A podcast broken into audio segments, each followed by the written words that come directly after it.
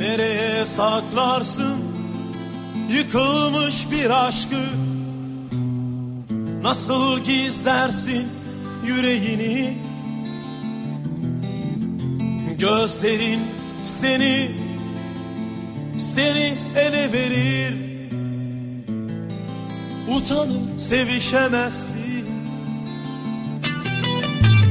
Nereye saklarsın yıkılmış bir aşkı. Nasıl gizlersin yüreğini? Elleri seni seni ele verir. Utanır sevişemezsin. Deli gönlüm aşık oldu. Al kendini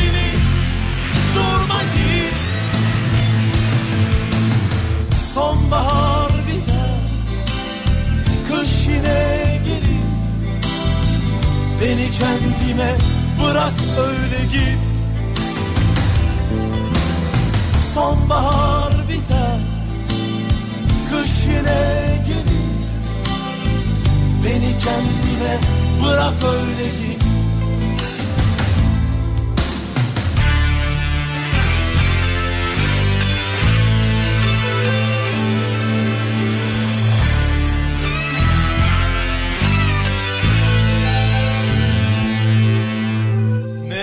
saklarsın. Yıkılmış bir aşkı. Nasıl gizlersin yüreğini?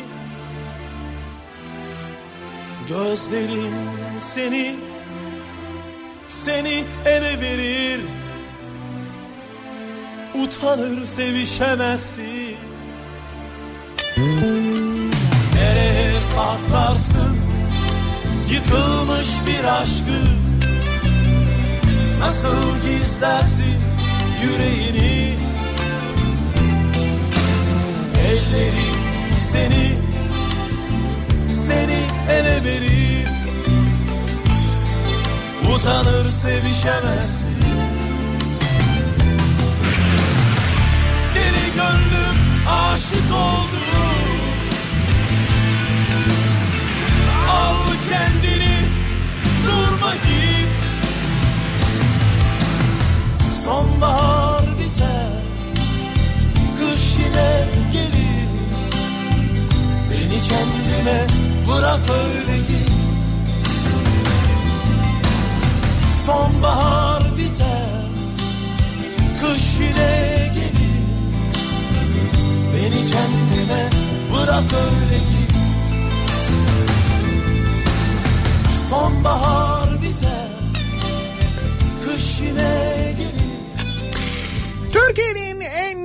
radyosundan, kafa radyodan hepinize günaydın. Yeni günün sabahında, yeni haftanın başındayız. Tarih 9 Aralık. 7'yi 4 dakika geçiyor saat. Soğuk. Hem de bayağı bir soğuk. Ve tabii ki karanlık bir İstanbul sabahından sesleniyoruz. Türkiye'nin ve dünyanın dört bir yanına. Yıllar ömür boyu. Ne yalnızlık ne de yalan Üzmesin seni. Doğarken ağladı insan Bu son olsun bu son. Doğarken ağladı insan Bu son olsun bu son. Lay lay lay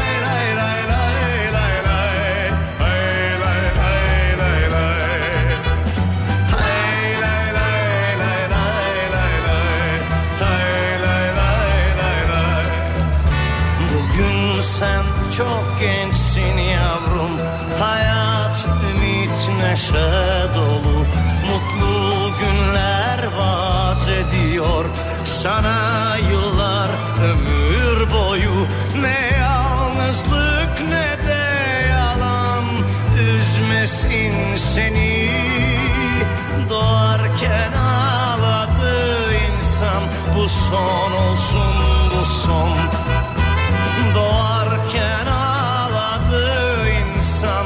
son olsun bu son.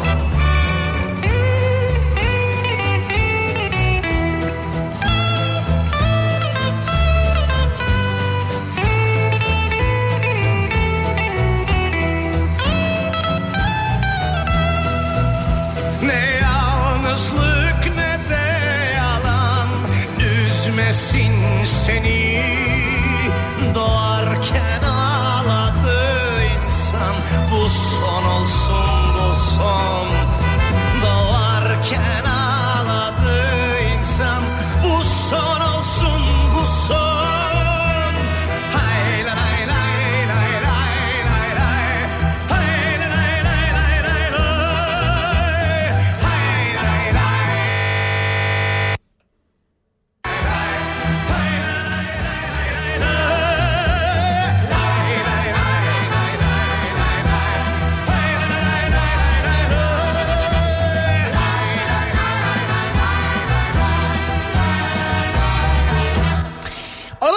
ortasına doğru ilerlerken bir yandan aynı zamanda kışın da kendini iyiden iyiye gösterdiği, sokağa çıktığımızda sabah saatlerinde yüzümüzün soğuktan hızla uyuştuğu,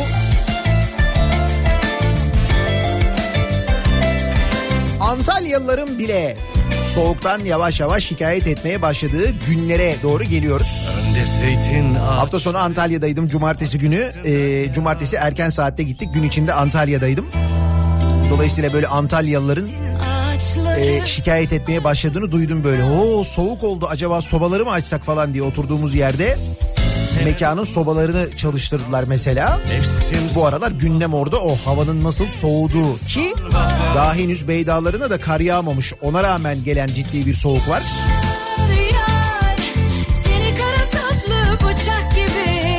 Ve elbette bizim bu soğuktan şikayetlerimiz, televizyonlarda yayınlanan özellikle kışla ilgili haberler, batı bölgelerde, büyük şehirlerde yaşananlar, işte İstanbul'da, Ankara'da ya da işte İzmir'de bile kar yağdı falan haberleri. beni. Bizi mesela Erzurum'da, Kars'ta dinleyenler tarafından başım. Müstehsi gülüşlerle karşılanıyor ben eminim. beni darmadan. Tel tel çözülüp kalmışım.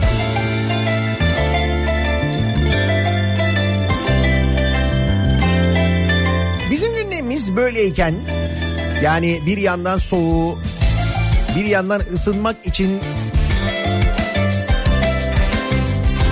doğal gaz kullanırken nasıl daha az kullanırız, nasıl tasarruf ederiz? Bu bizim gündemimizken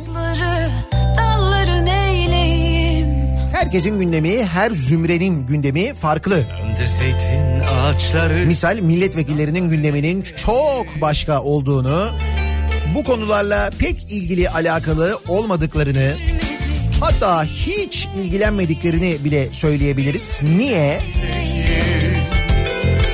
Geçtiğimiz hafta sonu bir de tam böyle hafta sonuna doğru yapıyorlar bunu bakın dikkat edin özellikle. Çünkü araya hafta sonunun girmesi konunun eee, böyle bir işte daha az konuşulması, daha az gündeme gelmesi böylelikle daha az tepki çekmek manasına gelebiliyor. O yüzden böyle yapıyorlar. Benim tahminim o. Özellikle hafta sonuna doğru yapmaları. İşte perşembe gece yarısından sonra, cuma gece yarısından sonra bu torba yasaların içine bir takım maddeleri eklemeleri, atmaları bundan kaynaklanıyor. İşte onun haberleşmesi, gündeme gelmesi, bizim onu öğrenmemiz falan cumartesiyi buluyor. E şimdi araya cumartesi pazar girince pazartesiye bir şey kalmıyor. Zannediyorlar. Fakat bizde öyle olmuyor işte.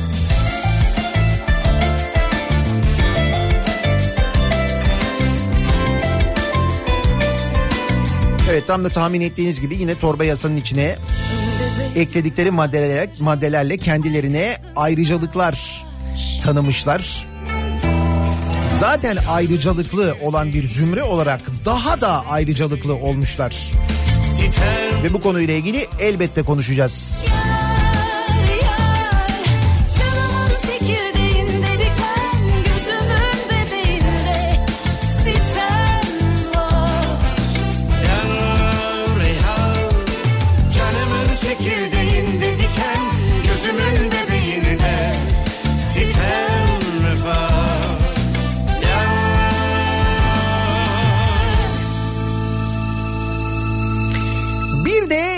kadar çok paramız olduğunu anlayacağımız haberler var ki bu da sabah sabah kendimizi çok zengin hissetmemizi sağlayacak.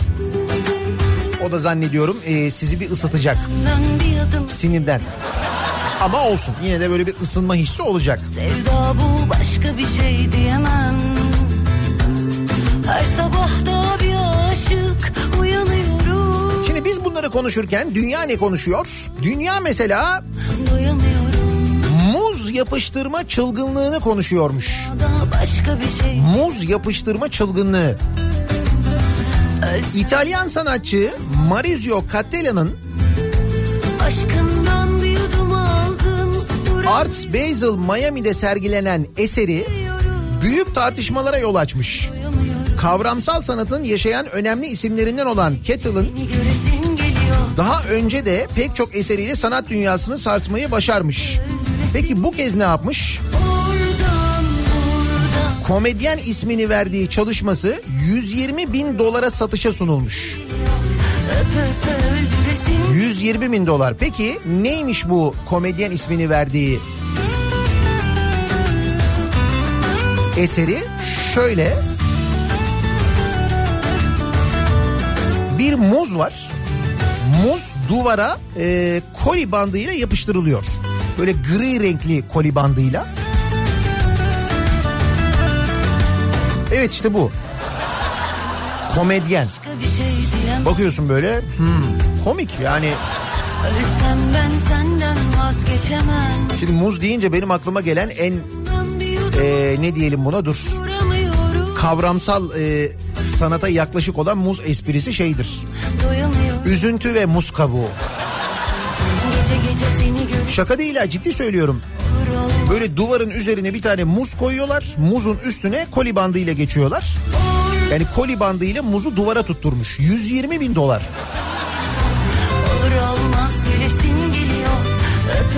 Sanatçının 3 edisyonlu olarak ürettiği eserin ikincisi 120 bin dolara alıcı bulmuş. Üçüncü ve son kopyası için de 150 bin dolar isteniyor.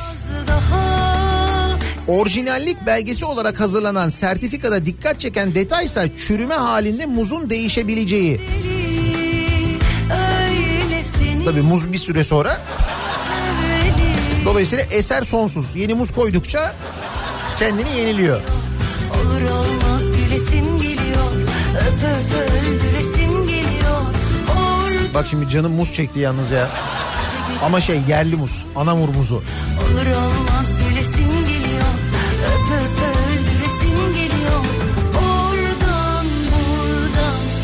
Ben senden bir adım öteye bir Yani az çok tahmin edebiliyorum hani sanatçının neyi anlatmak istediğini işte bu kavramsal e, sanat dediklerinde ya da modern sanatta mesela onda biraz daha zorlanıyorum ama çok anladığım bir mevzu değil. Fakat tabii duvara yapıştırılmış bir muza 120 bin dolar vermek de fikre vermiş oluyorsun aslında o parayı değil mi? Ya muza değil yani hani 120 bin dolara ne kadar muz ve ne kadar kolibandı alacağımızı düşünsene.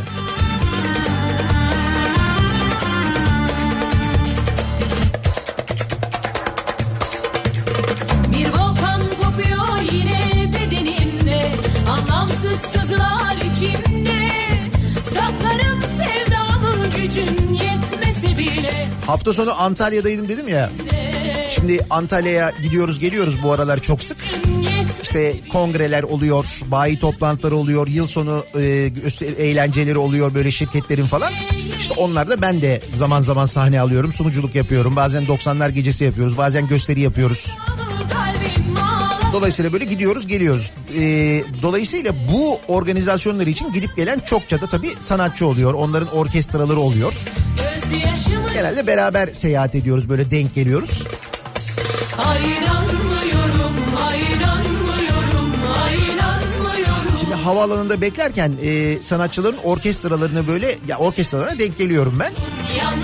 Anam o orkestralarda bir dedikodu dönüyor.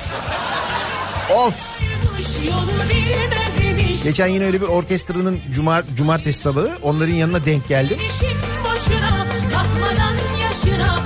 Detone, detone olan sanatçılar mı istersiniz? Bak şarkı sözlerini unutanı mı istersiniz? Ne konuşuyorlar belli değil ya.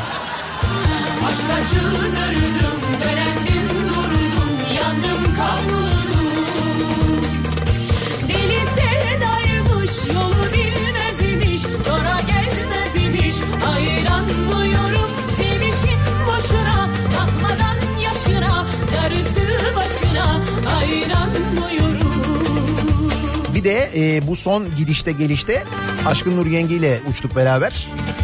Denk geldik yani giderken de dönerken de aynı uçakta.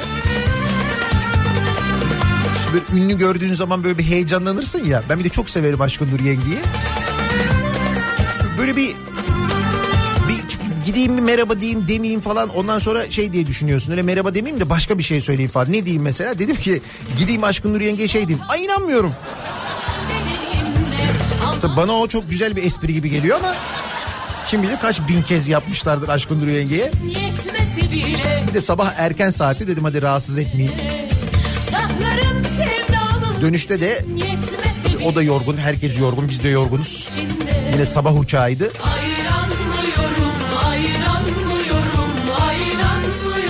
İşte biz sahne emekçileri sevgili dinleyiciler.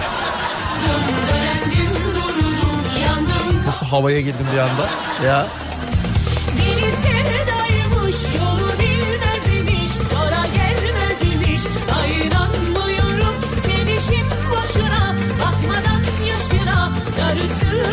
Bu arada cumartesi gecesi Antalya Jolly Joker'i tıklım tıklım dolduran Antalyalılara çok teşekkür ederim. Ayaklarınıza sağlık. Çok güzel bir geceydi. Ben çok eğlendim kendi adıma söyleyeyim. Umuyorum siz de keyif almışsınızdır.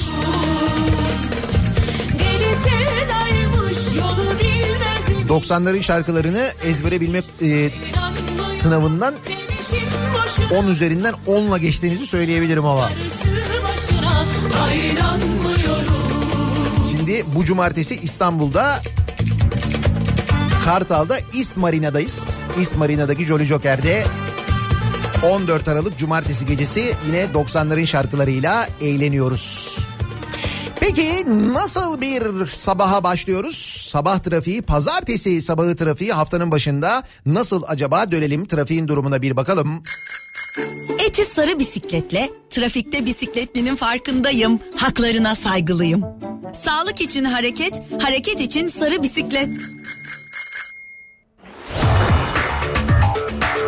Hyundai Tucson Enline yol durumunu sunar. Her pazartesi sabahı olduğu gibi yoğun başlayan bir trafik. ikinci köprü trafiği Koz Yatağı'na dayanmış vaziyette şu saat itibariyle Koz Yatağı'na girdikten hemen sonra trafik duruyor. Köprü girişine kadar bu yoğunluğun sürdüğünü görüyoruz. Yine o bölgede dikkat çekici trafik Kartal sapağından geriye doğru e, şu anda e, Ataşehir'e kadar uzanan bir trafik var. Çamlıca gişeler yönünde bayağı ciddi bir yoğunluk var. Kartal sapağını geçene kadar bu yoğunluğun sürdüğünü görüyoruz. Birinci köprüde trafik Uzunçayır'a ulaşmış. Buradan itibaren köprü girişine kadar yoğunluk var. Beylerbeyi'nden köprüye çıkışta ve Üsküdar tarafından köprüye çıkışta yine ciddi bir yoğunluk olduğunu görüyoruz. Tünel girişinde henüz ciddi bir sıkıntı yok. Avrasya Tüneli girişi rahat sevgili dinleyiciler.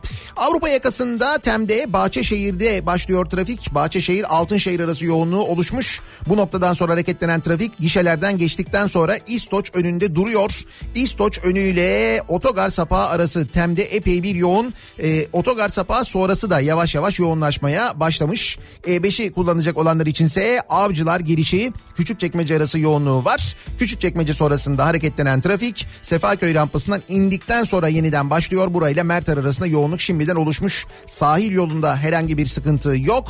İstanbul'dan da diğer büyük kentlerden de bu arada bir kaza bilgisi, bir kaza haberi yok. Trafiği aksatacak. Bir ara verelim. Reklamların ardından yeniden buradayız.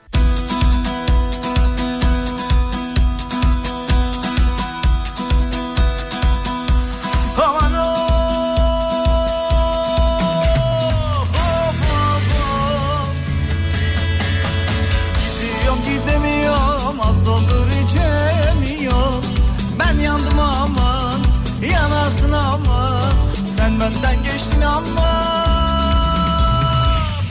Kafa Radyo'da Türkiye'nin en kafa radyosunda devam ediyor. Daha 2'nin sunduğu Nihat'la muhabbet. Ben Nihat Sırdar'la. Pazartesi gününün sabahındayız. Haftanın başındayız. 7'yi 28 dakika geçiyor saat.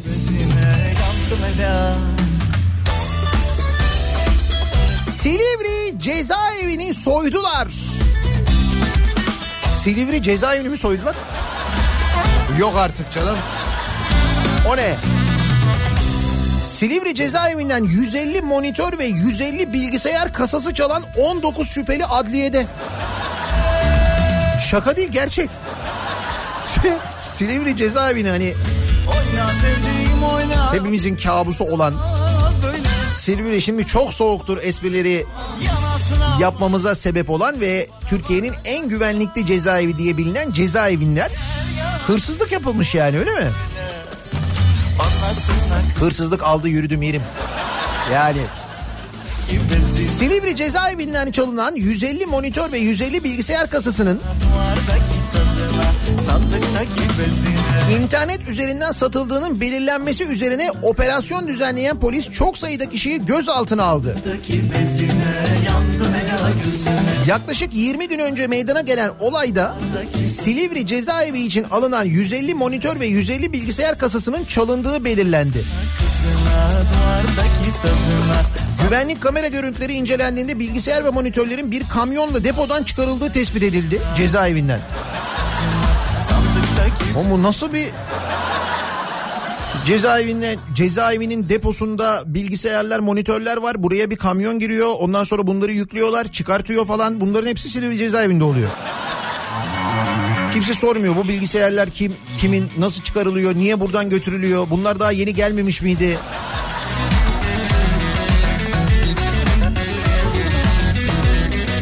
Yetkililer olayla ilgili operasyonların sürdüğünü, gözaltı sayısının artabileceğini söyledi. Öte yandan bilgisayarların cezaevi deposundan çıkarılmasına yardım eden kişilerin tespiti için çalışmalarında sürdüğü belirtildi. E tabii canım şimdi içeriden yardım olmadan böyle bir şey. Silivri cezaevini soymuşlar diyorum ya. Olur mu böyle bir şey? İçeriden yardım olmadan olmaz. güler yüze Ama yani Aşkına bakışan göze Edirne'de bir cezaevinin e, kasasını soymuştu bir hırsız hatırlıyor musunuz? Yani hırsız cezaevinde firar ediyor. Firar etmeden önce cezaevinin kasasını soymuştu. Şimdi o haberle bu haber bence çekişir. Onu söyleyeyim yani. Hakkın kulu sayılır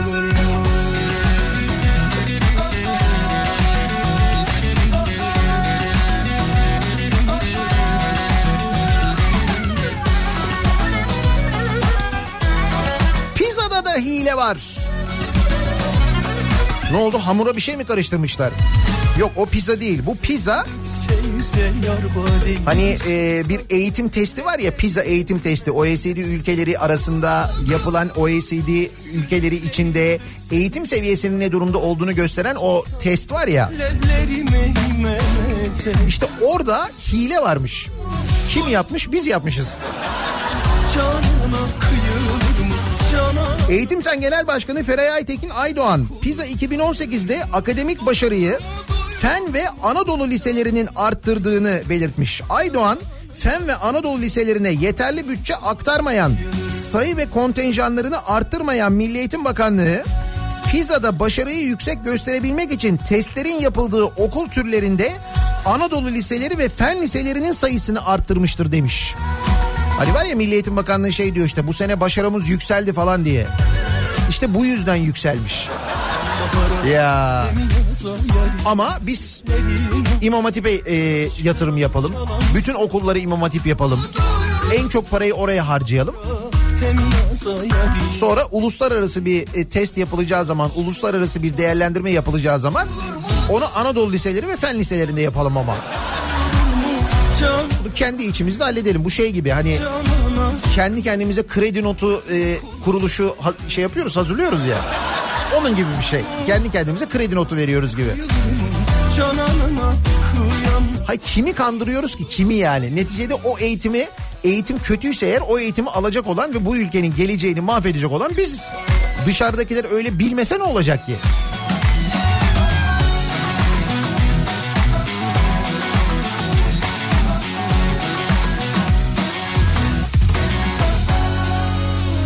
TRT tarihinde bir ilk yaşandı. Ana haber bülteni yayınlanmadı.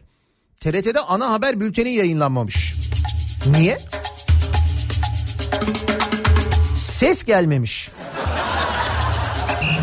Ses mi gelmemiş? O ne demek be?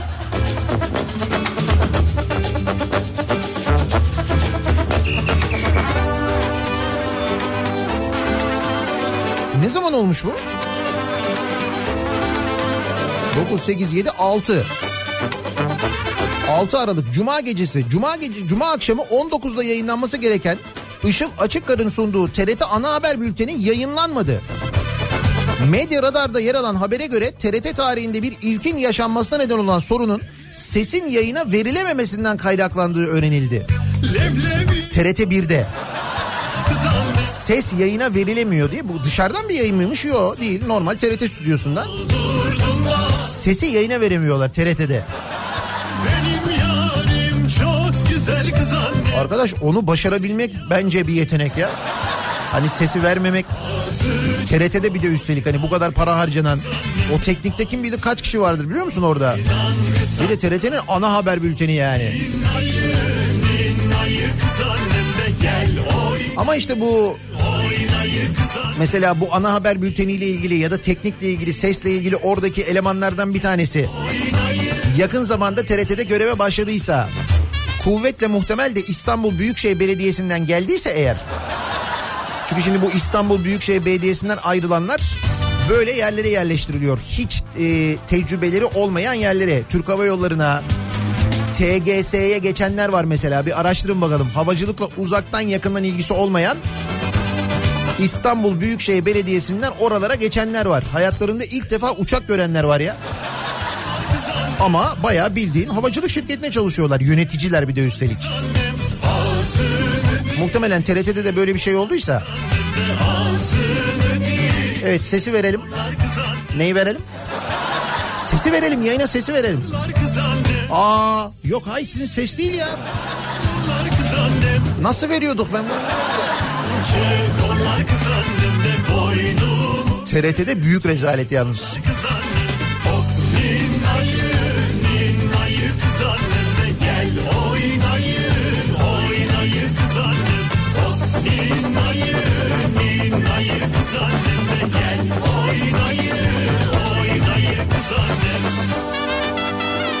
Bu haberlerle moraliniz bozulmasın sevgili dinleyiciler. Öyle ya da böyle neticede para bizde. Paranın bizde olduğunu biliyoruz. Nereden biliyoruz? Şuradan biliyoruz bak. Mersin'de İşkur önünde kilometrelerce kuyruk varmış. Ama e, kaynak yok diye iptal edilen ihale yeniden yapılmış ve Mersin'e 41 milyon lira harcanarak millet bahçesi yapılacakmış. 41 milyon. Arada ben yıllardır Mersin'e giderim. Ee, senede bir sefer muhakkak giderim de hani böyle çok uzun zamandır giderim. İlk defa Mersin'de bu kadar çok dükkanın kapalı olduğunu yani işte satılık dükkan, kiralık dükkan falan diye bu kadar çok böyle çarşıda, merkezde bu kadar çok dükkanın kapalı olduğunu görüyorum. İlk kez bu seneki durum gerçekten fenaydı Mersin'de. Şimdi Mersin'de hal böyleyken 41 milyona Mersin'e millet bahçesi yapılıyormuş. Ama diyorum ya işte para var ya. Öyle ya şimdi bizde para olmasa mesela protokol yatı. Protok Aa, protokol yatını bilmiyor musunuz? Bir de o çıktı hafta sonu öğrendik böyle bir şey varmış. Sonra yapılan açıklamalarla da öğrendik bak dur neredeydi o? Kaçmak ister canım Hayırsız ama Cumhurbaşkanlığının Deniz Kuvvetleri Komutanlığı'nın envanterinde bulunan Yakamoz isimli yatı restore ettirerek kendi himayesine aldığı ortaya çıktı. Söz konusu hamlenin maliyetiyle ilgili resmi bir açıklama yapılmazken 2020 bütçesinde gemiler hesabı altında 56 milyon liralık ödenek ayrılmış. Ey Tanrım 56 milyon lira. Ama e, bu yatın restore edilmesine ne kadar harcandığını bilemiyoruz. Bu daha önce eğitim filotillası komodorluğu emrindeymiş. İstanbul Tuzla bölgesinde konuşlandırılmış deniz okulları öğrencilerinin intikalleri kültürel gezilerde görev yapan bir gemiymiş bu. Deniz kuvvetleri himayesinde olan, onların emrinde olan.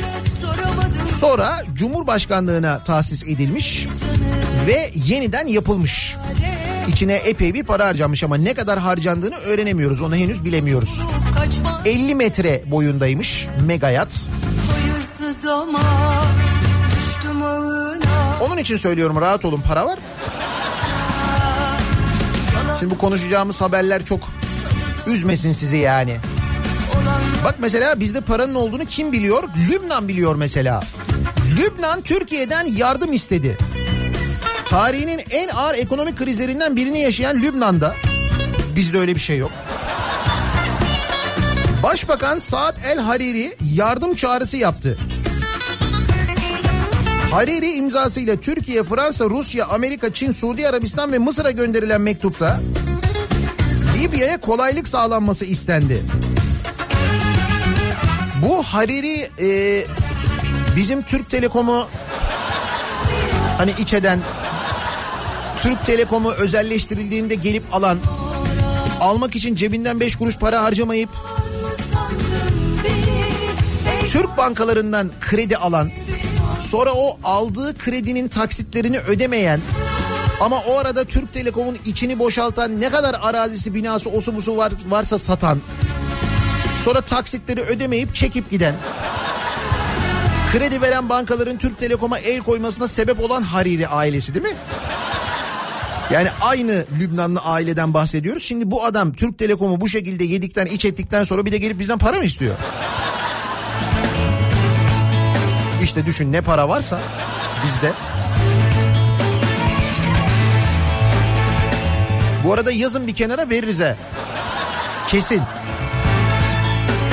Ondan sonra şeye şaşırıyoruz. Fadıl Akgündüz nasıl böyle sürekli dolandırıyor? E ne farkı var aynı işte. Buyur.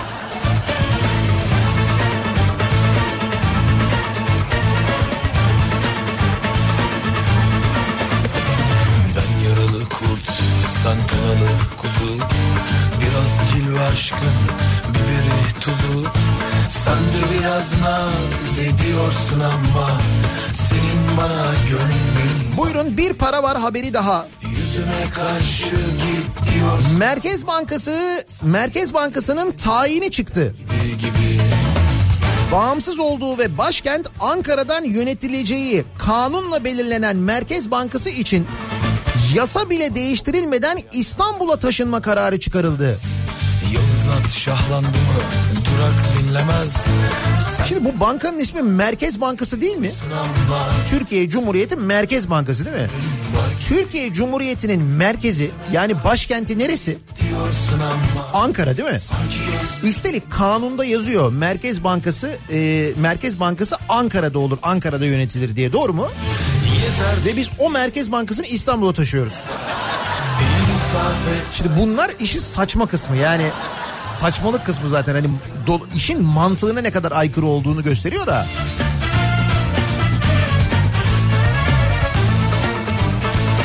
Üstelik e, bu taşınma için öyle bir masraf yapılacakmış ki bir kere 2400 personel Merkez Bankası çalışanlarının hayatı değişecek. Ankara'dan İstanbul'a gelecekler. Ki gelin buyurun yer var. Bazen metrobüste yer olmuyor. Bir de trafikte bazen yer olmayabiliyor. Merkez Bankası İstanbul Ümraniye'de TMSF'ye ait bir binaya kiracı olacakmış. Bak kendi binasından çıkıyor buraya geliyor kira ödüyor. Aynı şekilde İstanbul'a götürülen BDDK da Esentepe'de kiralık gökdelene gitmişti. Merkez Bankası çok büyük masraf yapılacağı söylenen TMSF binasında 2022'ye kadar geçici kalacak. Ve tıpkı BDDK gibi finans merkezinde inşaatı süren binaya taşınacak. Yani Merkez Bankası BDDK gibi Ankara'dan gitmek uğruna iki kez taşınmak zorunda kalacak. ama Sanki gözlerin kal der gibi gibi İşte diyorum para çok. Merkez Bankası bak niye ismi Merkez Bankası? Bir düşünsene. Neden yani? Merkez Bankası ama başkentte değil. Çok güzel.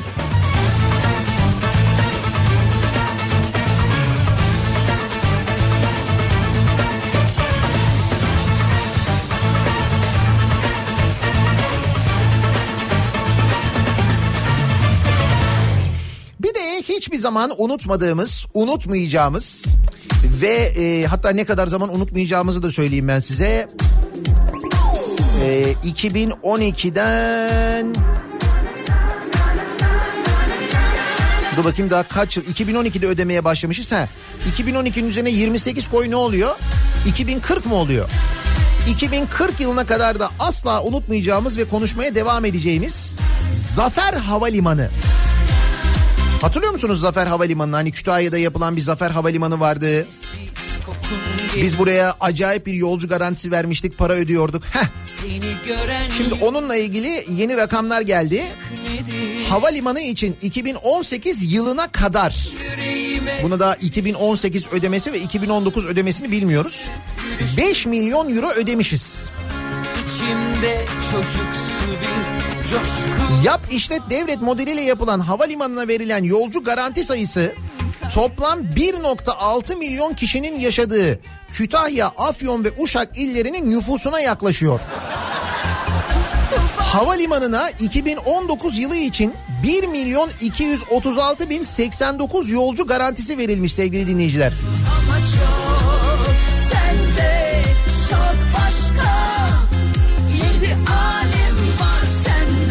Tabii ki bu kadar çok yolcu uçmayınca çünkü 3 şehri topluyorsun zaten 3 şehrin nüfusu o kadar yapıyor.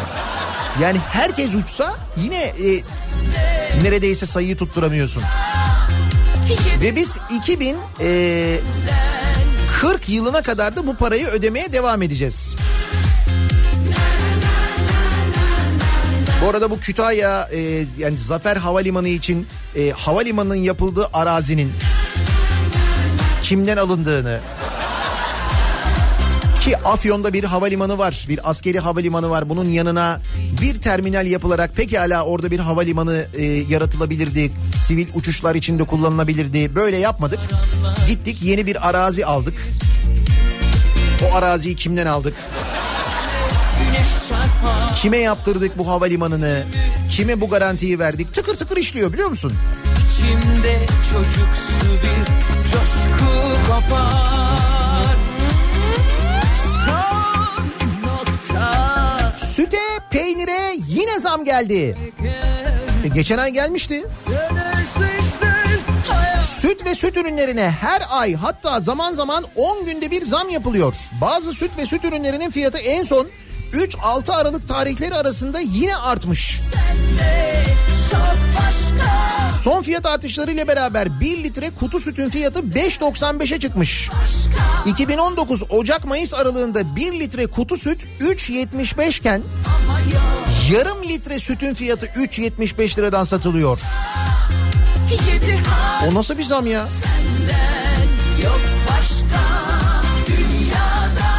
Son 15 gün içinde kaşar peynirinin ortalama kilogram fiyatı %4 artarak 30 liraya yükseldi. 10 gün önce 11.90'dan satılan 2 kiloluk yoğurt 7 Aralık itibariyle 15 lira oldu.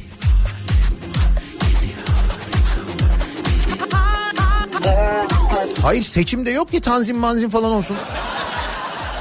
Bu hiç ucuzlamayacağı manasına da geliyor. Ucuzlamaz da yani.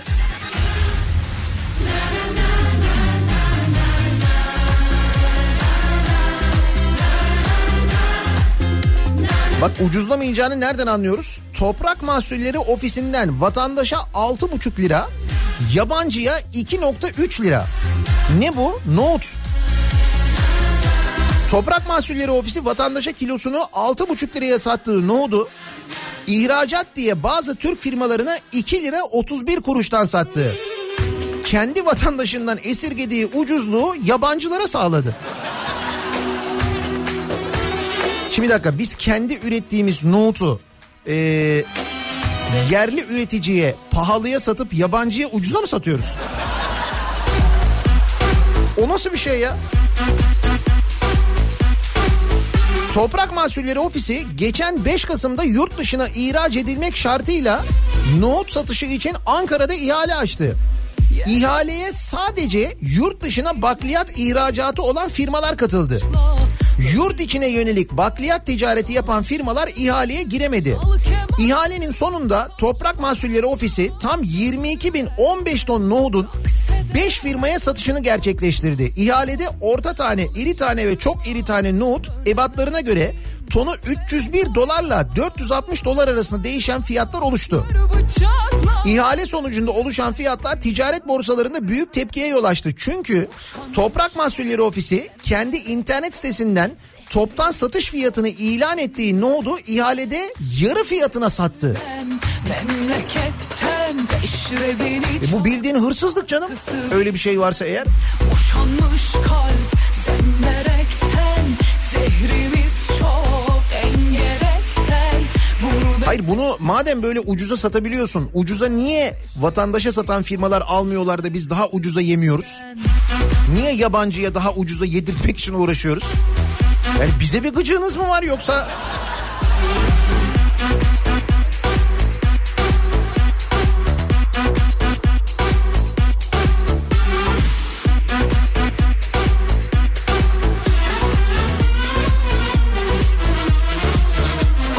Çekirdek satışlarında artış olur mu?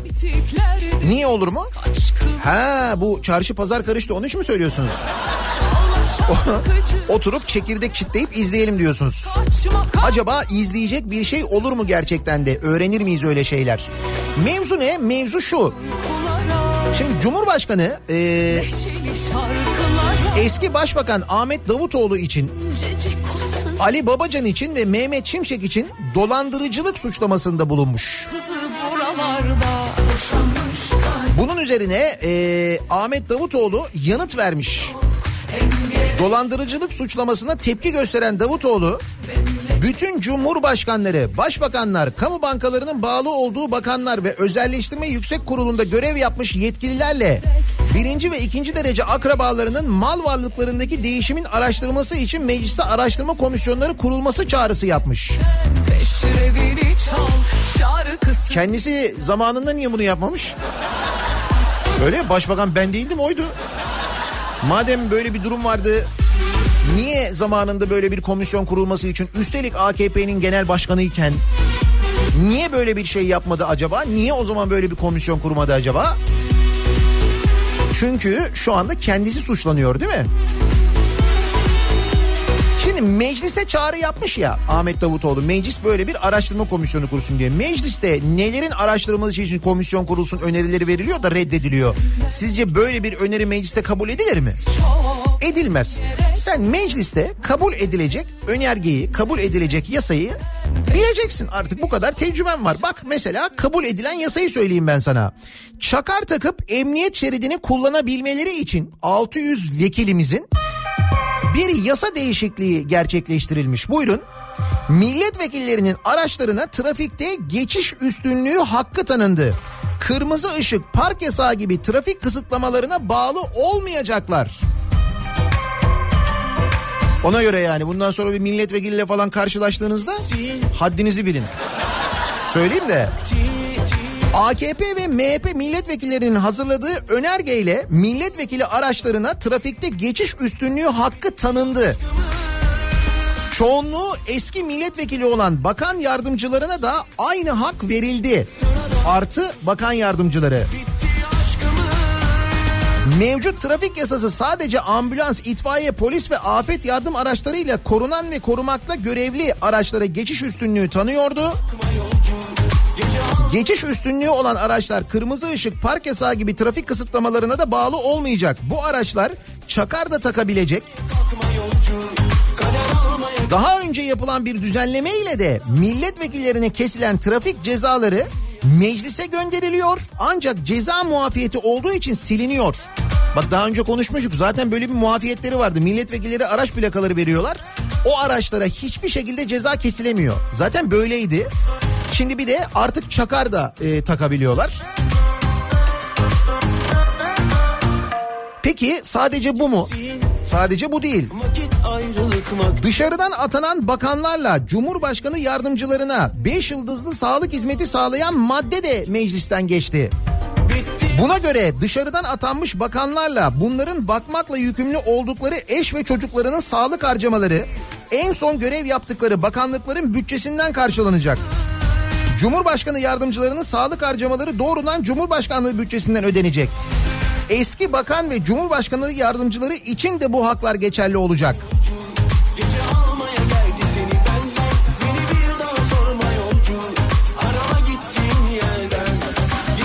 Emeklilikte yaşa takılanlar emeklilik aylığı alamadıkları gibi yıllarca prim ödedikleri halde bir işte çalışmadıkları zaman sağlık hizmetlerinden de yararlanamıyorlar Türkiye'de biliyorsunuz. Yeni düzenlemeye göre milletvekilleri 3500 emekli vekil ve yüksek yargı mensupları ile bunların bakmakla yükümlü olmadığı muhtaç durumda bulunmayan anne baba ve kız çocukları da bu haktan yararlanacak. Milletvekillerinin bakmakla yükümlü olduğu ayrıca 14 bini aşkın da yakını bulunuyor.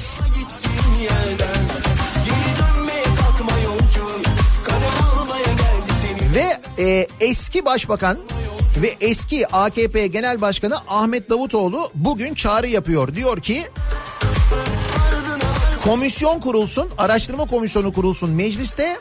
Bütün diyor liderlerin, bütün yöneticilerin ve onların yakınlarının mal varlıkları araştırılsın diyor. Bunu meclis kuracak bu araştırma komisyonu öyle mi? Bunları çıkaran meclis.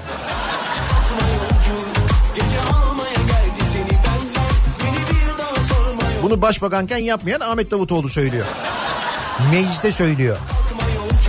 Peki bu yasa değişikliklerini yapan bizim e, geçtiğimiz haftalarda bakın böyle bir önerge veriyorlar. Böyle şey olur mu falan dediğimiz. Hatta İçişleri Bakanı'nın bile canım öyle şey olur mu o bir önerge falan dediği öyle bir şey yok dediği milletvekillerine çakar kullanma hakkı. Şaka değil ya gerçekten meclisten geçmiş yani. Şimdi bakalım Cumhurbaşkanı bunu da veto edecek mi göreceğiz. Sonra bu yasaya evet diyenler ona ne diyecek onu da göreceğiz. E tabi artık o da normal bir şey yani. Ona da mesela şaşırmıyoruz ya. Peki bunları yapan yani bu yasa değişikliklerini yapan, bu yasaları meclisten geçiren milletvekillerine yani sizin vekalet verdiğiniz al ben sana vekalet veriyorum git benim adıma orada konuş dediğiniz ama bunları yapan milletvekillerine bir mesajınız var mı acaba diye bu sabah dinleyicilerimize soruyoruz. E, neticede şu bahsettiğimiz hakların hepsini biz onlara sağlıyoruz. Bu, bunların bütün hepsinin maliyetini biz karşılıyoruz. Daha önce konuştuğumuz konuların maliyetini de. Var mı vekalet verdiğiniz vekillerinize söylemek istediğiniz bir şey? Vekilime mesajım olsun bu sabahın konusunun başlığı sevgili dinleyiciler. Çünkü başka türlü bu adamlara sesimizi duyurmamız mümkün olmayacak.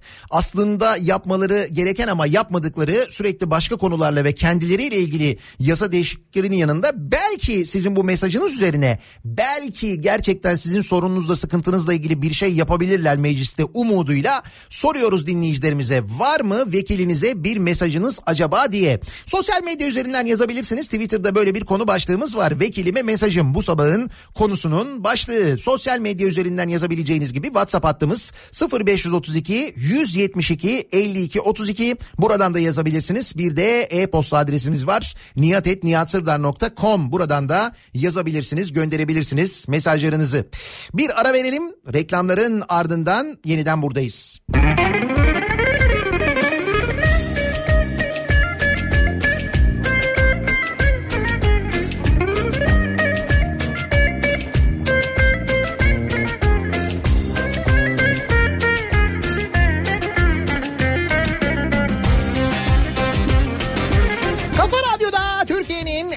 kafa radyosunda devam ediyor. Daiki'nin sunduğu Nihat'la muhabbet. Ben Nihat Sırdar'la pazartesi gününün sabahındayız. Yeni haftaya daha da ayrıcalıklı milletvekillerine sahip olarak uyanıyoruz. Niye? Çünkü öğreniyoruz ki milletvekillerimize çakar hakkı da gelmiş. Artık kendileri emniyet şeridinden gidebilecekler. Araçlarına kırmızı mavi ışıklar taktırabilecek. O siren sesiyle arkamızdan aa, aa diye gelebilecekler. Bence bu yetmez. Özel plaka da verilmeli. Hep söylüyorum. Geçiş öncelikli taşıt plakası da sağlanmalıydı. Onu unutmuşlar. Alman lazım yemen lazım Sonra farkı görmen lazım Alman lazım yemen lazım Sonra farkı görmen lazım Afyon'dan vekilime taze taze kaymak lazım. Kaymak lazım, kaymak lazım. Vekilime kaymak lazım. Kaymak lazım, kaymak lazım. Vekilime kaymak lazım. Bu arada Afyon'da bu ara tam kaymak zamanı. Hatta kaymak dolması diye bir böyle lokum benzeri bir şeyleri var onların.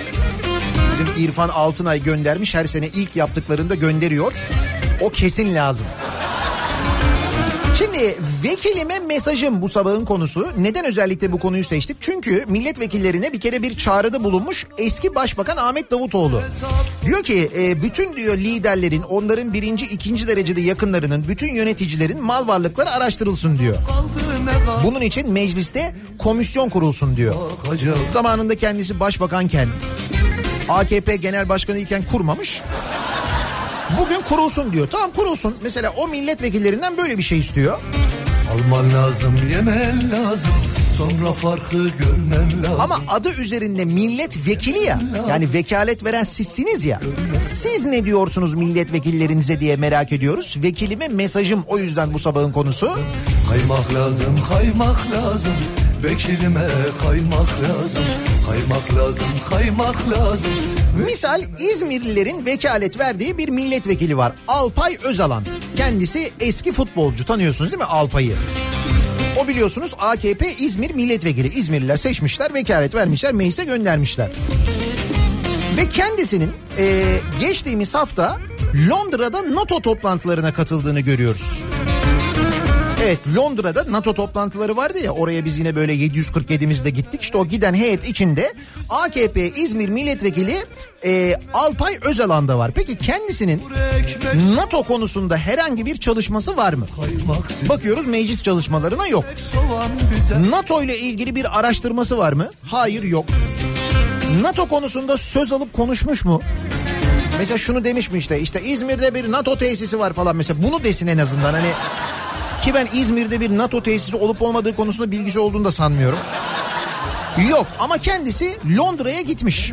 lazım Ve bakın ne olmuş biliyor musunuz? Alpay Özalan Londra'dayken taze taze o sırada mecliste elektronik oy kullanılırken oy kullanmış.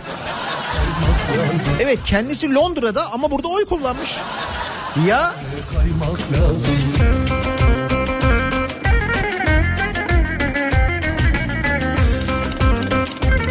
Cumhurbaşkanı ile İngiltere'ye giden AKP İzmir Milletvekili Alpay Özalan için mecliste oy verildi. Genel kurulda olmayan vekil için kimin oy pusulası gönderdiği anlaşılamadı.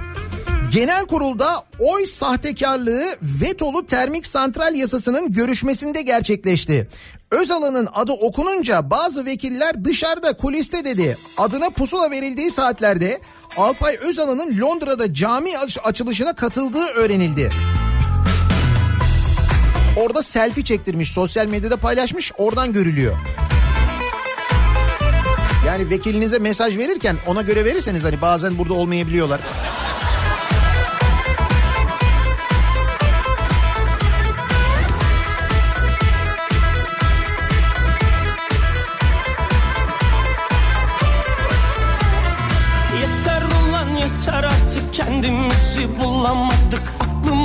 Geçenleri Vekilime mesajım. Lütfen ayrıcalıklı plakada takın. Biz sizin vekil olduğunuzu bilelim diyor dinleyicimiz. Ben bunu çok uzun zamandır söylüyorum. Şimdi emniyet şeridinden giden bir aracın geçiş önceliği olduğunu biz anlayamıyoruz. Ne aracı olduğunu bilmiyoruz ki.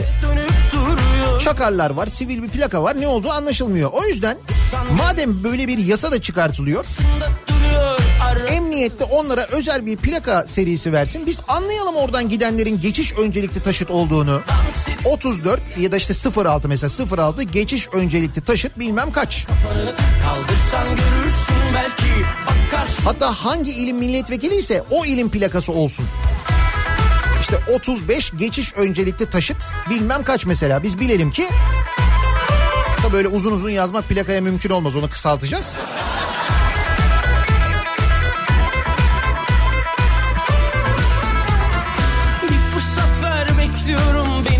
Vekaletimi iptal etmek istiyorum demiş. Vekilime mesajım bu diyor bir dinleyicimiz. Çok fazla dinleyicimizden bu mesaj geliyor yalnız biliyor musunuz? Vekaletimi iptal etmek istiyorum diye. Bu sefer de mi olmadı ya doğru seçemedik?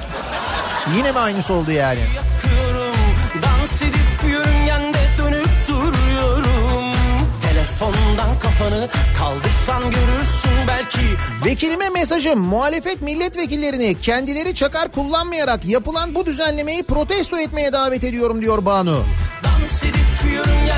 Kullanmazlar herhalde değil mi? Telefondan kafanı kaldırsan görürsün belki Bak karşında duruyor aradığın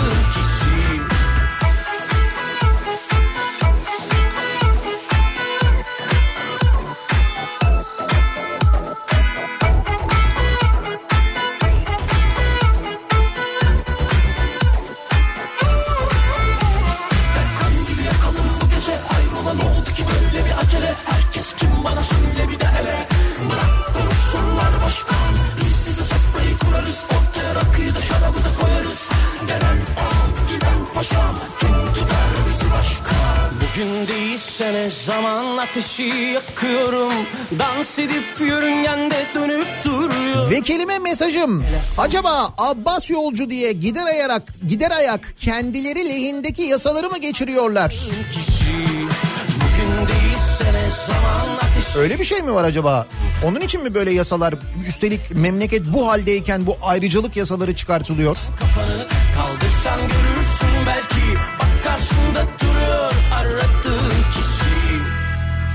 Oo bu arada Afyon Karahisar'da dinleyenlerden mesajlar geliyor. Bir kaymak fotoğrafları var.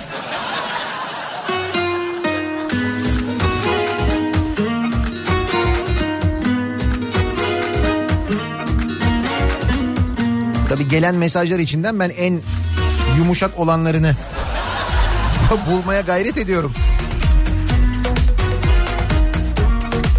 Vekilime mesajım. Sadece bir ay vekaletimi alıyorum ve tüm şartlarda yer değiştirmeyi öneriyorum diyor Ankara'dan Emine. Yani diyor ki gelsin diyor benim yaşadığım hayatı yaşasın benim hayat şartlarımda vekilim diyor. Değil mi? Vekil olanın önce onu bilmesi lazım. Vekalet aldığı insanların yaşam şartlarını bilmesi lazım. Gerçekten biliyor olsalar bu yasaları geçirirler mi peki sizce meclisten? Geçirmezler değil mi? Bu arada bu yasa tekliflerinin AKP ve MHP'li milletvekillerinin oylarıyla geçtiğini, tekliflerin onlardan geldiğini de ayrıca hatırlatayım. Yarın sevgilim asıp gitse de bu aşktansı da yarım kalsa Yarın eğer bu yasalar veto edilirse tebrik ediyoruz. İyi ki bu yasa veto edildi diyenler de aynı vekiller olacak bu arada. Onu da şimdiden söyleyeyim sonra şaşırmayın diye söylüyorum. bitse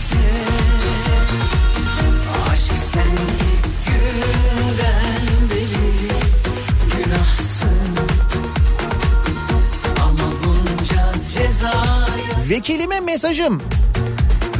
Eliniz değmişken bebeklerinizin bezlerini de bedavaya getirin diyor Yüksel. Hiç fena fikir değilmiş doğum yardımı adı altında. Kim bilir belki de vardır bu arada bilmiyorum. yazarsa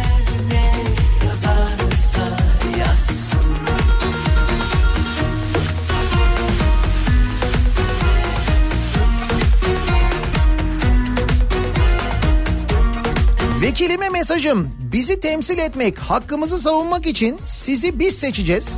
Siz bizden kat kat fazla maaş alacaksınız. Bir de bize sağlamadığınız ama bizim ödediğimiz vergilerle karşılanan sağlık hizmetlerinden faydalanacaksınız. Üstelik bundan bütün aileniz de faydalanacak. Peki biz ne olacağız? Nerede bu adalet diye sormuş bir dinleyicimiz. El ayak çekilmiş Adalet nerede? Yeminle çok edepsiz bu mehtap Güzel soru adalet nerede sorusu. Nerede acaba? ayakları ne mehtapmış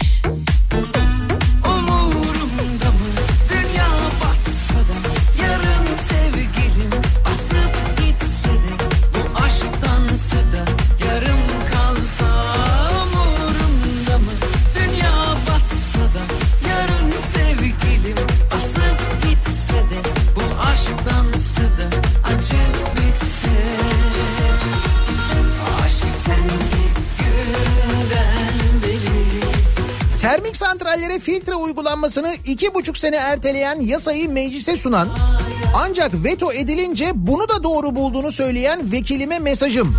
İnsan içine nasıl çıkabiliyorsun diye soruyor mesela Ferit. Yaz gelmiş Bugün gazeteler Vekilime mesajım önergeyi kimin hangi partinin verdiğine bakarak değil de içeriğine bakarak oy verin. Sizler bizim vicdanımızsınız. Vicdanımızı sızlatmayın diyor Deniz. Deniz ne kadar iyi niyetli. Sizler bizim vicdanımızsınız demiş.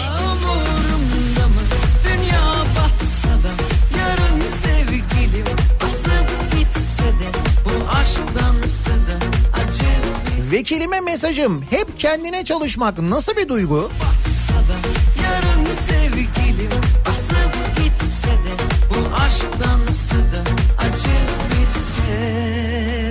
Benim vekaletimi kullanarak çakar kullanacaksan o çakarı takacağın yer arabanın üstü değil diyor Cem. E değil tabii.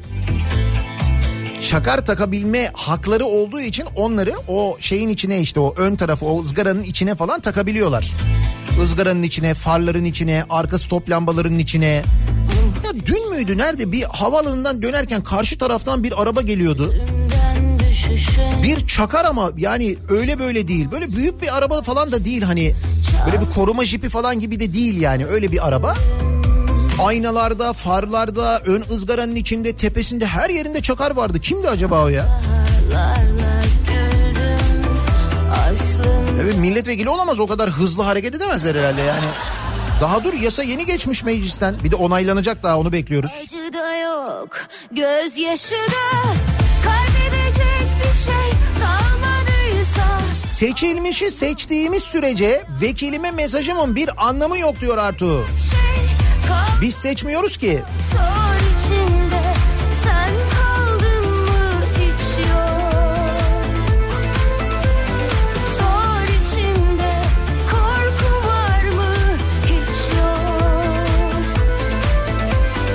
Yiyin efendiler yiyin. Bu hanı iştiha sizin doyuncaya, tıksırıncaya, çatlayıncaya kadar yiyin. Benim vekilime mesajım bu demiş. İşte o mesajınızı dikkate alarak zaten yeni bir lokanta daha yapılıyor şu anda meclise merak etmeyin.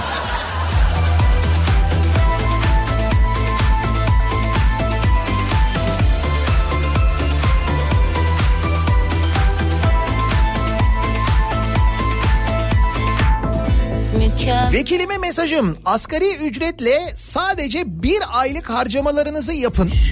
Belki bize o vakit hak verirsiniz. Belki diyor Erdal. kalbime gömdüm Biz aynıysak tuzaklar Vekilime mesajım korumasız gezmelerini kabul etmesinler. Çakar yetmez. İkişer üçer koruma araçları da olsun diyor Burhan. Ben Burhan'a katılıyorum. Niye mesela önde arkada birer de şey yok? Koruma yok. Niye eskort yok? şey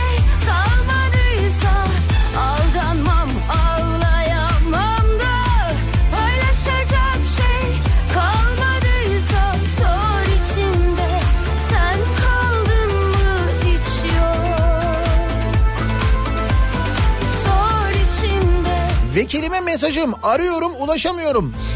Hayır niye cevap vermiyorsun ki? Korkma faturayı ben ödüyorum. Tabii telefon faturalarını da biz ödüyoruz evet. hiç yok Yok içimde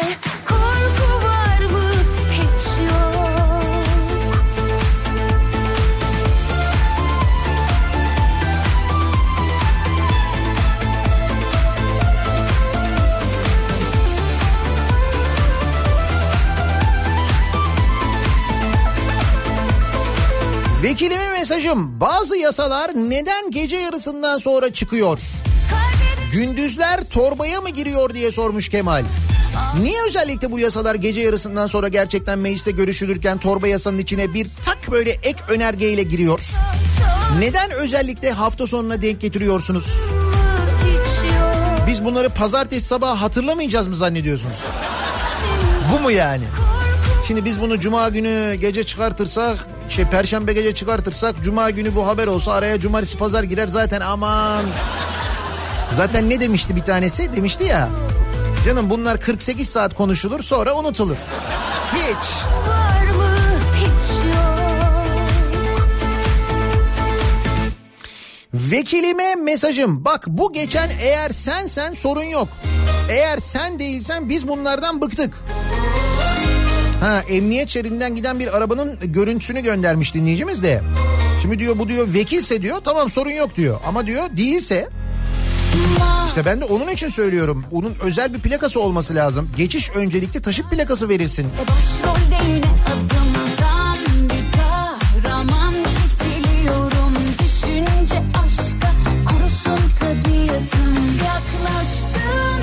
Vekilime mesajım size de ultra lüks yat tahsis edelim.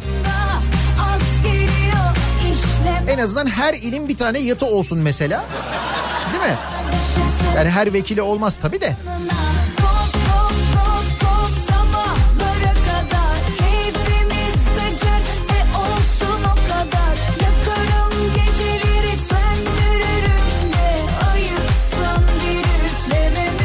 Muhalefette olan vekilime mesajım. Sine-i Millet diye bir şeyden haberin var mı diye soruyor bir dinleyicimiz. Öyle ya şimdi muhalefetin mesela bakıyoruz mecliste yaptığı muhalefetin bir etkisi olmuyor. Bu yasalar patır patır geçiyor. Hatta kimi yasalar mecliste gece yarısından sonra geçerken muhalefet milletvekillerinin tam kadro orada olmadığını da öğreniyoruz. Ki bu termik santrallerle ilgili bacanın e, süresinin uzatılması ile ilgili yasanın görüşmelerinde de böyle olmuştu.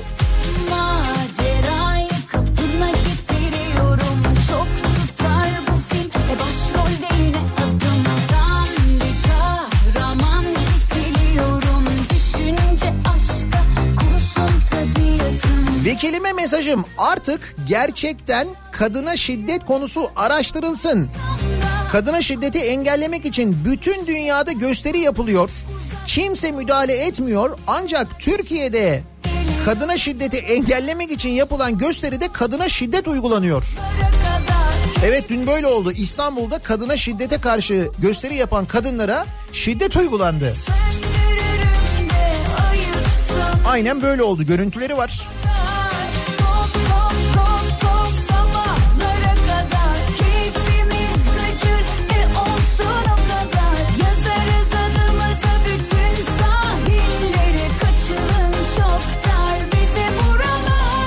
Vekilime mesajım gen soru veremiyorsun. Soru sorsan cevap alamıyorsun. Yasa çıkarma yetkin de kalmadı. Ya Allah aşkına canın da mı sıkılmıyor diye sormuş. İşte bak canları sıkılınca oturuyorlar ne yapalım ne yapalım ne yapalım. Ha bize çakar yapalım ya. Bunlar can sıkıntısından çıkan yasalar diye düşünüyorum ben artık.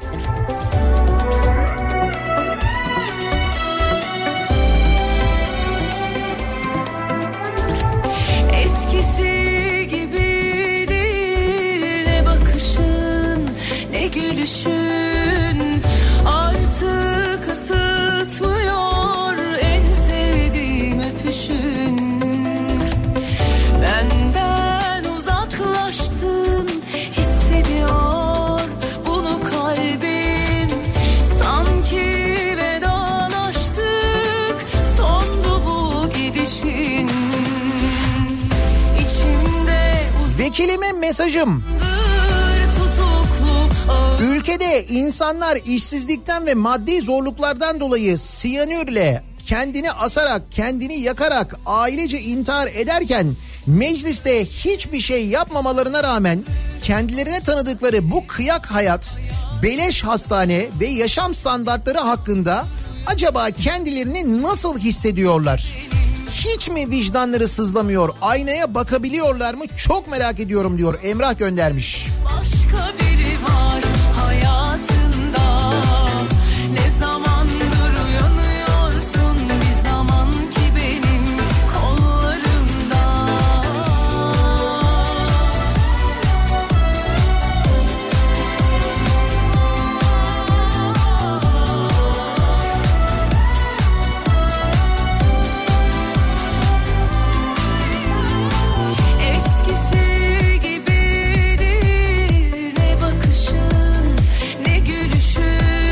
Vekilime mesajım bence tüm akrabalarına çakar lamba takmak lazım. Sonuçta akrabası yani. Öyle ya sağlık hizmetini madem akrabalarına da verebiliyoruz. Niye çakar hakkını vermiyoruz? Kalbim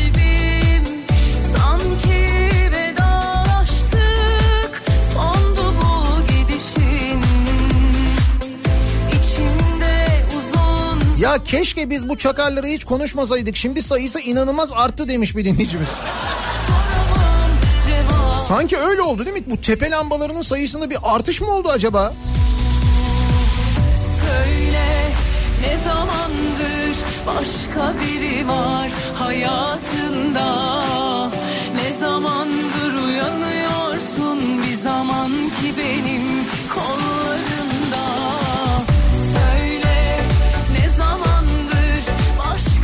Vekilime mesajım bu sabahın konusu. 600 milletvekiline sağ şerit serbest. Artık çakar takıp emniyet şeridini kullanabilecekler. Meclisten bu yasayı da geçirmişler. Eski milletvekillerinin bakmakla yükümlü olmadıkları anne ve babalarının sağlık hizmeti de şu andaki milletvekillerinin de aynı şekilde yine ömür boyu meclis tarafından karşılanacak. Bunu da meclisten geçirmişler. Var mı sizin vekilinize bir mesajınız, vekalet verdiğiniz, git de benim sorunlarımı anlat orada çöz dediğiniz milletvekilleri işte bunları yapıyorlar. Acaba var mı sizin bir mesajınız diye soruyoruz. Reklamlardan sonra yeniden buradayız.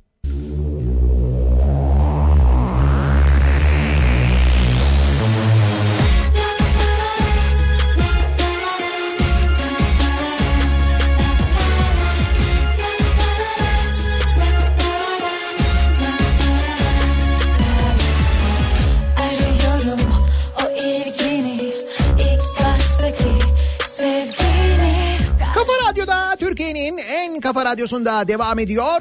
Daiki'nin sunduğu Nihat'la muhabbet. Ben Nihat Sırdar'la. Pazartesi gününün sabahındayız. Vekilime mesajım bu sabahın konusunun başlığı. Haftaya milletvekillerimizin kendi kendilerine tanıdıkları yeni ayrıcalıklarla başlıyoruz. 600 vekilimize sağ şerit serbest. Milletvekili araçlarına trafikte geçiş üstünlüğü hakkı tanındı. Kırmızı ışık, park yasağı gibi trafik kısıtlamalarına bağlı olmayacaklar. Çakar takabilecekler. Şimdi burada şöyle bir durum da var tabii. Çakar takılan araçlar milletvekilleri tarafından yani milletvekillerinin kendi araçları bunları meclis başkanlığına bildirecekler. Onlar emniyete bildirecek. Bu araçlara e, işte bu çakarlar takılabilecek. Peki bu araçları milletvekilleri kullanmaz da milletvekillerinin eşleri, çocukları, yakınları kullanırsa ne olur? Öyle araç vekilin üzerine kayıtlı. Çevirdiğin zaman bakıyorsun bu vekil aracı. Vekil nerede? İşte biz vekili almaya gidiyorduk mesela. Dolayısıyla yakınları da bu hakkı kullanabilecek değil mi bu vekilin üzerine kayıtlı aracı kullanırlarsa eğer? Bak gördün mü yakınları için ayrıca bir yasa çıkarmamıza gerek kalmadı. Bunu da çözdük. Sağ olsun Furkan hatırlatmış.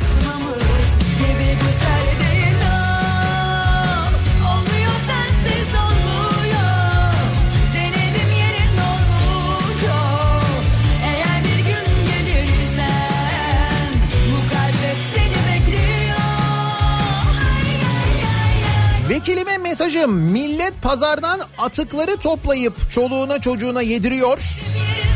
Onlar utanmadan nelerle uğraşıyorlar diyor Rüzgar.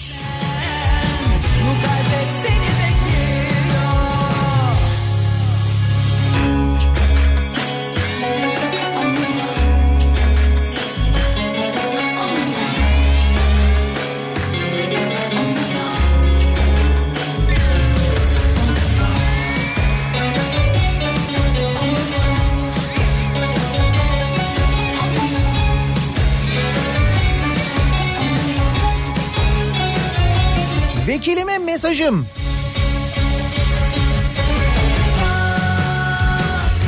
Ben kendilerine böyle yapsınlar diye vekalet vermedim. Bu görevi suistimaldir diyor bir dinleyicimiz. Öyle ya milletvekilini seçip meclise gönderirken biz ne için gönderiyoruz? Bizim sorunlarımızı çözsünler, bizim için çalışsınlar diye gönderiyoruz. Fakat durum gerçekten görevi suistimal. Dedim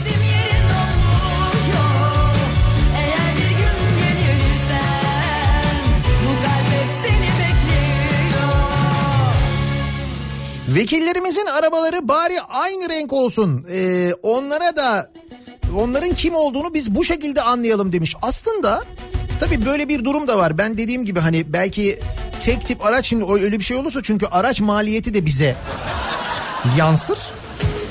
O zaman hepsinin aracını da almak zorunda kalırız. Öyle yapmasak da işte bu milletvekili araçlarına dediğim gibi özel plaka versek aslında öyle çözebiliriz o sorunu.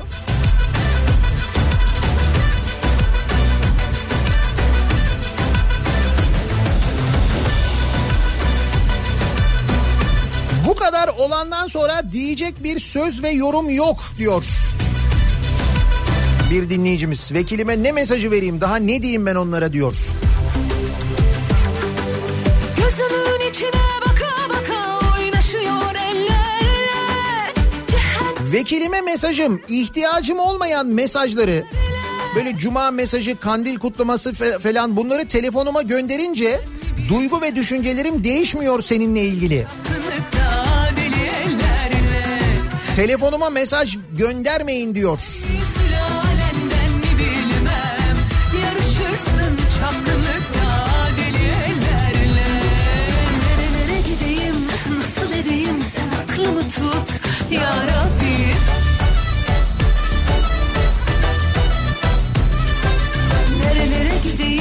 Acaba milletvekillerimizin e, kıyafetlerinin üzerine de çakar taksak mı diyor e, bir dinleyicimiz ceketin üstüne mesela.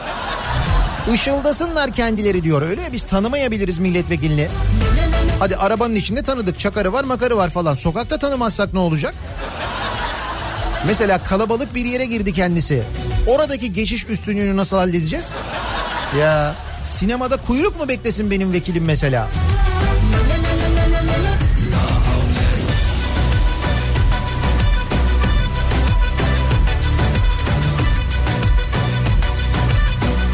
Vekilime mesajım şehit annesine 127 lira aylık bağlanırken hiç mi yüzleri kızarmadı merak ediyorum.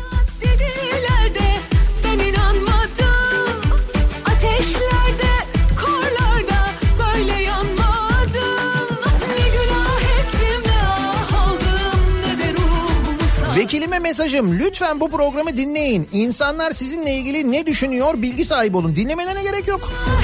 Ki dinleyen milletvekilleri olduğunu da biliyorum ayrı ama. Bak vekilime mesajım diye sosyal medyada başlık var şu anda. Gir oraya oku mesela milletvekillerine ne yazıyor insanlar. Sosyal medya üzerinden yazmışlar işte yazıyorlar. Bir milletvekili olarak merak edip girip okurlar mı acaba? Çok merak ediyorum ben de. Nerelere aklımı tut ya Rabbi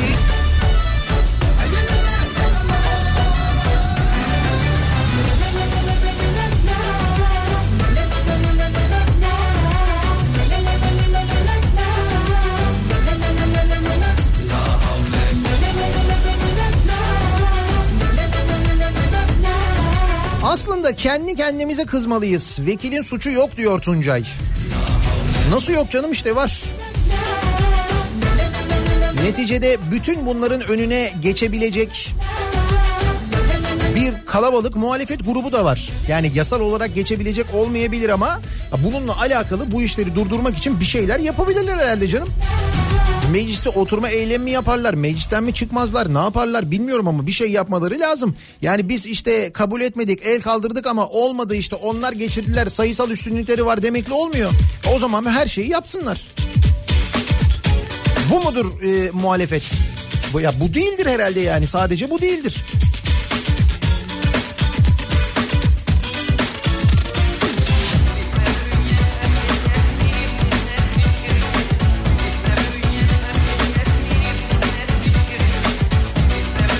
Vekilime mesajım biz ailemizden para almadan okumak için onurumuzla yaşamak için çalışıyoruz.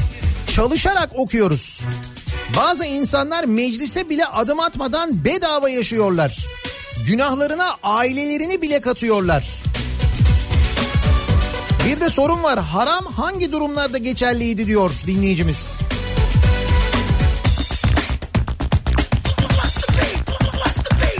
Geçiş üstünlüğü derken kime neye yetişiyorlar diye soruyor Serap. Mesela ambulans mı hastaya yetişiyor? İtfaiye yangına mı gidiyor? Polis suça mı gidiyor? Neden çakar? Neden? Hakikaten neden ya? Nedir üstünlük mesela? Nereye yetişiyorsun? Nedir yani? Senin üstünlüğün nedir? Bir başka seninki bir efsane sanki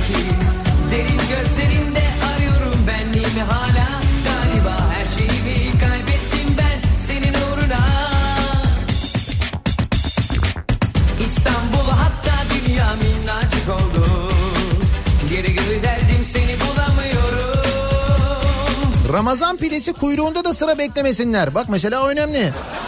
Nereden bileceğiz vekil olduğunu? Orada da geçiş üstünlüğü olsun. İlk pide onlara verilsin. Hemen. Tek yürekçim sensin benim Sen çekmezsen yürümez gemim Yüz dertliyim bin dertliyim Tek çaremsin İstanbul'da bizi dinleyen dinleyicilerimiz için hemen bir hatırlatma. Bu akşam yayınımızı İstanbul'dan Caddebostan'dan gerçekleştireceğiz. Kafa Radyo canlı yayın aracıyla Caddebostan'dayız. Eti sarı bisikletle birlikte bir özel yayın gerçekleştireceğiz. Özellikle bisiklet kullanmayı seven, bisikleti olan dinleyicilerimiz dikkatle dinlesinler. Onlar için güzel hediyelerimiz de olacak. Bu akşam Caddebostan'dayız. Caddebostan sahil yolundayız. Haberiniz olsun. Geçiş öncelikli bisiklet. Bak şimdi bir anda aklıma geldi. Vekilimin bisikleti herhalde normal bir bisiklet olamaz değil mi? Düşünsene arkadan bisiklet geliyor, bisikletten ses geliyor. Şimdi normalde bisikletten böyle zil sesi geliyor ya çın çın diye. Bundan ses geliyor. Aa, aa. He, anlıyorsun ki vekil bisiklete geliyor. Aa.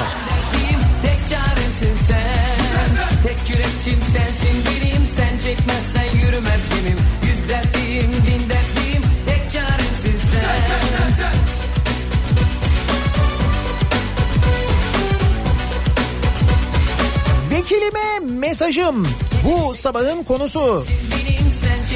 Bakınız seçtiğiniz, seçimde oy verdiğiniz ve meclise gönderdiğiniz milletvekilleri özellikle bunu tabii AKP'ye ve MHP'ye oy vermiş dinleyicilerimiz için söylüyorum. Çünkü onlar vermişler bu yasa teklifini. Onların oylarıyla geçmiş aynı zamanda. Milletvekillerinin araçlarına trafikte geçiş üstünlüğü hakkı tanınmış. Çakar kullanabilecekler kendileri aynı zamanda. Hiçbir trafik cezasını ödemeyecekler. Kayıtlı olan plakaya kesilen cezalar iptal edilecek. Nasıl? Güzel değil mi böyle? İşte bunları yapan milletvekilinize bir mesajınız var mı diye soruyoruz bu sabah. Reklamlardan sonra yeniden buradayız.